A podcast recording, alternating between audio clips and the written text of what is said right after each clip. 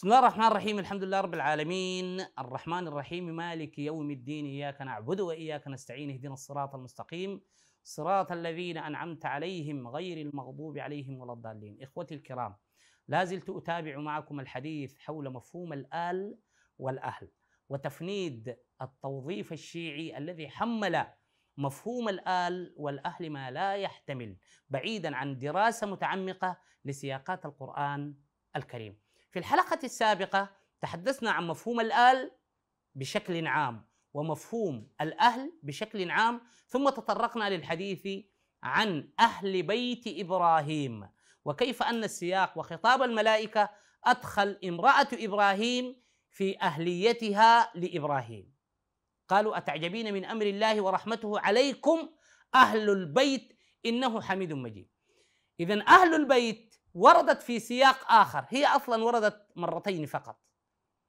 السياق الآخر تتحدث عن أهل بيت النبي عليه الصلاة والسلام. قوله تعالى السياق من الأساس يخاطب زوجات النبي. هنا المفاجأة أو هنا الحقيقة التي يتعامى ويتغافل عنها إخواننا الشيعة. السياق من الأساس يتحدث عن زوجات النبي. وقرن في بيوتكن. ولا تبرجن تبرج الجاهلية الأولى. وأقمنا الصلاة وآتينا الزكاة وأطعنا الله ورسوله. إنما يريد الله ليذهب عنكم الرجس أهل البيت ويطهركم تطهيرا. ماذا قال إخواننا الشيعة في هذا البيت؟ قالوا زوجات النبي لا يدخلن في أهل البيت في مصطلح أهل البيت. وتغافلوا عن الآية الأولى التي أدخلت امرأة إبراهيم في أهل البيت. هنا السياق من الأساس يتحدث عن زوجات النبي ولكنهم قالوا عندما جاءت الآية إلى التطهير قفزت إلى سياق المذكر لتخرج زوجات النبي من المسألة. شفتوا يا جماعة؟ ركزوا كويس. وقرن في بيوتكن. بيوتكن. ولا تبرجن تبرج الجاهلية الأولى. وأقمنا الصلاة وآتينا الزكاة وأطعنا الله وأطعنا الرسول.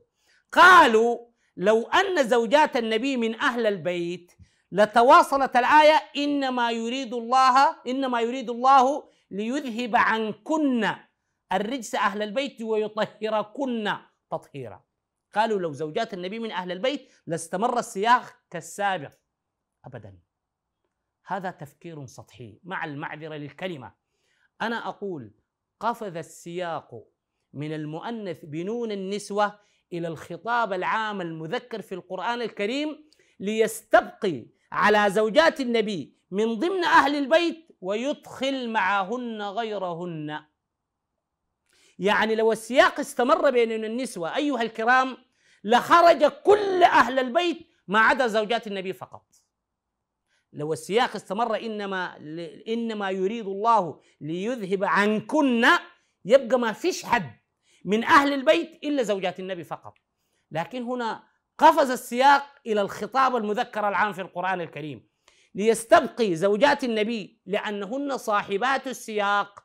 كما تحدثنا في منهجية رجوع الضمائر هن صاحبات السياق. ليدخل معهن غيرهن من الذكور الذين يتوافقون مع النبي عليه الصلاة والسلام في دينه وعقيدته.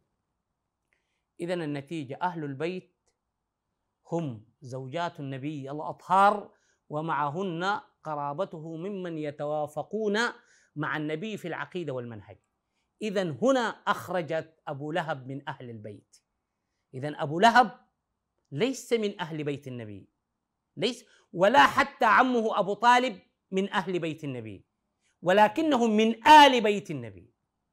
اذا الآل ليست لها اختصاص ديني كما ذكرنا في الحلقة السابقة.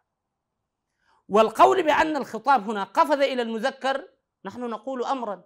ألم يقل موسى لزوجته عندما انتهى من ميقاته في مدين عندما قضى موسى الأجل وسار بأهله كانت معه زوجته فقط. ألم يأتي في النص وقال لأهلهم امكثوا إني آنست نارا لماذا لم يقل لها امكثي إذا يا جماعة الخطاب المذكر ليس دلالة على أن المخاطبين هنا ذكور فقط. عندما قال الله أقيموا الله وأقيموا الصلاة وآتوا الزكاة هل الخطاب هنا للرجال فقط دون الإناث؟ الخطاب بالمذكر هو الخطاب العام. والآن الآن حتى في محيط الواقع عندما تريد أن تخاطب مثلا إذا كانت رئيسة أو مديرة أو مالكة شركة امرأة أنثى لا تكتب لها السلام عليك. إنما تكتب لها السلام عليكم ورحمة الله تعالى وبركاته. ليه؟ لأن هذا هو الخطاب العام. فحجة أن الخطاب تحول من نون النسوة إلى الخطاب المذكر ليستبعد زوجات النبي. هذه حجة فقيرة وفطيرة وباهتة لا تقوم على ساق.